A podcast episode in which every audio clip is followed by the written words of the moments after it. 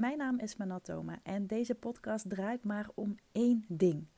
Hoe word jij online opgemerkt met jouw kennis en expertise? Zonder trucjes en poespas, maar door gebruik te maken van het meest simpele en krachtige wapen wat er maar bestaat: positionering en personal branding. Welk tarief moet ik hanteren of welke prijs moet ik vragen? Dit is een uh, vraag die ik best vaak krijg van klanten. Maar het is ook een vraag die ik zelf vaak heb gesteld vroeger. Oh jongens, hoor mij nu vroeger. Ik word echt oud. maar die ik in het verleden wel vaker stelde, ook aan business coaches. En laat ik beginnen met te zeggen dat dat heel normaal is dat je een prijs bij iemand wilt checken. Dat je dat even wilt delen om te vragen: hey, wat vind jij daarvan? Maar er zijn eigenlijk twee dingen die, die spelen en die ik dan ook, ook altijd zeg. Ten eerste, het, het zal mij aan mijn reet roesten welke prijs jij vraagt. Voor mij is dat helemaal niet interessant. Ik ben zelf dus ook absoluut niet gevoelig voor ehm, mensen die heel erg hun communicatie en hun beloftes op prijs insteken. En daar heb ik al vaker over gedeeld, maar dat is gewoon iets niet wat mij het allermeeste triggert, wat voor mij het allerbelangrijkste is. En als je je prijs gaat bepalen, dan wil je je daarop richten. Wat is het allerbelangrijkste voor die ene persoon? Dus als je dan aan mij vraagt, ja, wat vind jij van deze prijs? Tenzij ik echt in jouw ideale klantplaatje pas, ja, bestaat de kans dat ik misschien wel die prijs gewoon te duur vind, omdat, omdat het iets is wat ik niet wil hebben, of wat ik niet nodig heb, of wat ik niet belangrijk vind. Dus het voorbeeld, voorbeeld wat ik je net schetste is. Ik heb een, een hele tijd geleden kreeg ik een keer een DM van iemand binnen die, ehm, ja, die zich heel erg positioneerde op, op, op prijs. En dat zie je natuurlijk nu uh, half Instagram doen. Maar die hielp mensen van uh, prijs A naar prijs B. Ik weet niet eens meer wat het was. En die probeerde mij via de DM zo een beetje uh, lekker te maken. Nurturen noemen ze dat uh, volgens mij. En ja, ik, ik moest wel een beetje lachen, want ze probeerde mij echt met een prijs lekker te maken waarvan ik dacht: um, ja, ik, ik, ik, ik wil je niet afzeiken, maar dit verdien ik al lang en breed. Dus je raakt me daar totaal niet mee. Het doet bij mij niks. Ik voel daar niks bij. En je eigen positionering keldert daardoor ook gigantisch. Want misschien als het op een andere insteek had ingericht. Voor mij is tijd eh, bijvoorbeeld veel belangrijker. Dan had ik misschien wel oren gehad naar, naar haar oplossing, naar haar ding. Kun, kun, je, kun je het verschil voelen wat ik bedoel te zeggen. Dus als je gaat kijken naar je tarief of naar je prijs, focus je dan op die ene klant die dat bedrag zou moeten gaan betalen. En dat ben ik dus misschien helemaal niet. En kijk ook, is dit iets wat voor die persoon echt heel belangrijk is? En een uitspraak die ik ehm, die ik leerde, of, op, of ja, leerde, die ik heb gelezen van, uh, omdat ik met beleggen bezig ben, van uh, Warren Buffett. Dat is natuurlijk een beetje de man van de aandelen, zeg maar. Uh, die zegt: Price is what you pay, value is what you get. En dat vind ik zo'n mooie uitspraak. Want daar zit, daar zit natuurlijk de bottleneck. Daarmee maak je natuurlijk het verschil prijs is gewoon de transactie. Dat is gewoon wat je koopt. Maar de waarde die je krijgt of ontvangt, dat is waar je daadwerkelijk voor betaalt.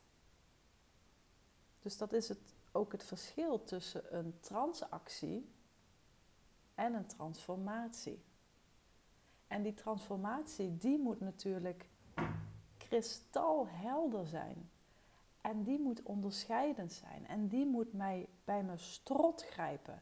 Die moet mij doen verlammen van excitement, van begeerte.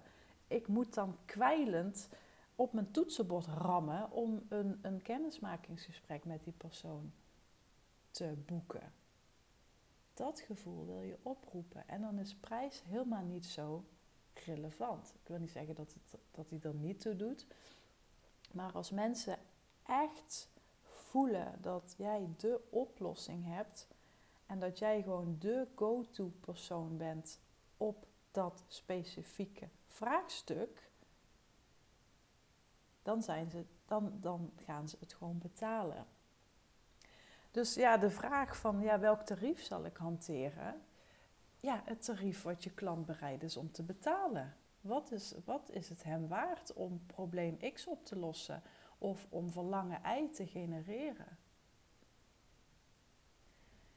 En iets wat heel veel mensen ook denken, en ik ben er zelf ook valikant in gevallen. Hè? Dus alles wat ik zeg zijn ook gewoon dingen die ik zelf heb uh, ervaren en doorlopen.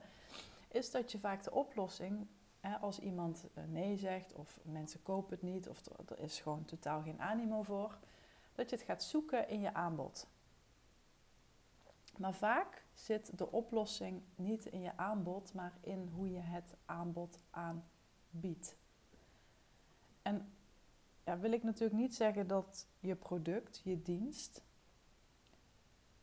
niet waardevol hoeft te zijn. Dus dat, laat ik dat vooropstellen, dat moet gewoon de shit zijn. En of jij nu een programma hebt, of je verkoopt workshops, of je geeft retraites, of in ieder geval je verkoopt je kennis in een bepaalde vorm, ja, dan, dan moet dat natuurlijk goed zitten. Dat wat je levert, dat moet gewoon goed zijn. Maar dat wil natuurlijk niet zeggen dat mensen het ook als dusdanig aan de buitenkant zo zien en zo ervaren. Dus dan loop je het risico dat je heel erg gaat sleutelen aan de binnenkant, terwijl het probleem zich aan de buitenkant bevindt. Er ontstaat geen, ehm, hoe zeg je dat? Geen vonkje. Het is net als een auto die niet start. Die hele auto die kan van de buitenkant misschien er wel goed uitzien en van de binnenkant ook wel. Maar als er in het contactslot iets niet vonkt of niet aangaat, ik ben geen uh, automonteur, maar goed, je snapt uh, vast wel de metafoor, ja, dan gaat dat hele krenk niet aan. En dan brengt hij je ook niet van A naar B, waar een auto natuurlijk voor bedoeld is. Dus daar zit dan vaak de uitdaging. En dan kom je altijd op dat wat ik natuurlijk doe met klanten, hun positionering. Wat is je aanbod? Voor wie is dat aanbod en wat wordt je belofte? Dat zijn de knoppen waar je aan, waar je aan kunt draaien, waar je aan kunt uh, sleutelen. Die maken of een aanbod resoneert bij een ander. Ik vind resoneren trouwens echt zo'n jeukwoord, maar goed. Daar gaat het om. En dat bepaalt natuurlijk ook de waarde. Want hoe beter jij bent aan het aanbieden van je product of dienst, des te meer klanten ook bereid zijn om te betalen voor dat wat jij aanbiedt. Ik heb die afkorting al eens vaker eh, gebruikt. Ik ben altijd heel fan van, um, hoe heet dat nou, een acroniem? Ja, ik geloof het wel hè. Laat me even weten of ik het uh, mis heb als er een of andere taaldeskundige uh, luistert. Volgens mij is het een acroniem, maar ik heb dus een afkorting bedacht wat ergens voor staat en dat is de afkorting RUIG. Wat je wilt doen als je gaat kijken naar hoe je communiceert, je boodschap, je marketing, je belofte, hè, de hele flikkerse bende, is dat je je focust op een ruig probleem of een ruig obstakel of een ruige frustratie of wat dan ook. En die afkorting staat voor relevant. Hè, dat wat iemand ervaart, dat moet er toe doen het is voor hen relevant. Niet omdat jij het vindt, nee, omdat zij het zo voelen. De U staat voor urgent. Ze hebben zoiets van: oké, ja, ik moet er wel nu wat aan gaan doen, want anders ehm, ja, gaat het gewoon super slecht met me aflopen. En uh, ja, op het moment dat iemand dat niet voelt, ja, dan gaan ze natuurlijk niet ja zeggen tegen je. Dat is logisch. Het moet impact hebben. Dus dat wat jij oplost en dat waar iemand naar zoekt om dat op te lossen, dat moet echt iets teweeg brengen. Dus uh, stel je voor, jij, ehm, jij bent, uh, ja, je zit in, die, in de dieetbranche of zo. En je hebt het alleen maar over, um, ja, ik zorg dat je meer inzicht krijgt in, uh, ja, weet ik veel, groente en fruit. Ja, niemand wil inzicht hebben in wat groente en fruit kan doen. Je wilt het hebben over hoe het hun gezondheid bevordert, hoe het hun relatie verbetert, hoe ze, hoe ze, letterlijk, let, hoe ze letterlijk beter in hun vel gaan zitten, waardoor ze weer aantrekkelijk worden voor een partner, waardoor die partner hun s'avonds alle hoeken van slaapkamer laat zien, bij wijze van spreken. En ik, dit is nu even een voorbeeld wat ik ter plekke verzin, maar ik denk dat je wel snapt wat ik bedoel. Dus je wilt het hebben over dat wat impact maakt. Impact maakt. En je hoort al hoe ik het benoem. Dat maakt het verschil. Terwijl er misschien onderaan de streep in het aanbod niet per se iets anders is. Ik gebruik andere taal. Nou, en de G staat voor groots. Dus wat een coach van mij een keer zei is: hoe groter het probleem is wat je oplost, des te meer mensen er ook voor betalen. Dus dat is wat je in je achterhoofd mag houden als je over jouw programma praat, over jouw cursus, over jouw workshop, over jouw retraite. En um, ja, dat, dat bepaalt dus ook welk tarief je kunt vragen. Wat ik ook heel erg heb geleerd is in de afgelopen ja, jaren. Ik doe natuurlijk al best wel lang hetzelfde. Zes, zeven jaar inmiddels. En het aanbod aan zich is natuurlijk ook beter geworden. Ik heb natuurlijk heel veel uh, programma's weer gevolgd. Ik heb allerlei cursussen gedaan. Dus de inhoud is natuurlijk ook veranderd. Maar in de kern is die wel hetzelfde. Ik doe het nog steeds met hetzelfde resultaat. dus het vergroten van je marktwaarde, het verminderen van je concurrentie en het, het, het, vergroten van je, van je omzet in geld, tijd en energie. Maar ook je focus en nou, allemaal dat soort dingen. Dat is in principe gewoon hetzelfde gebleven. Alleen waar ik de uitdaging in heb gevonden en waar ik mezelf dag in dag uit in train, is te kijken naar hoe communiceer ik over dat wat ik aanbied. Dat heeft letterlijk impact op de prijs die ik vraag, de prijs die ik krijg. Nou, ik hoop dat deze podcast je weer uh, aha-momenten heeft bezorgd. Superleuk als je me dat weer uh, laat weten.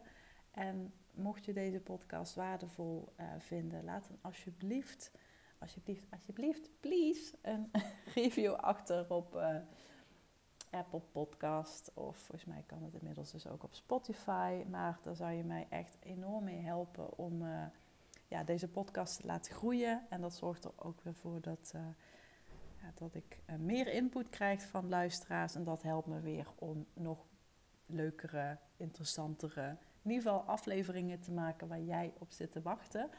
Dus blijf dat ook vooral lekker doen. En wil je horen hoe ik jou hierbij kan helpen?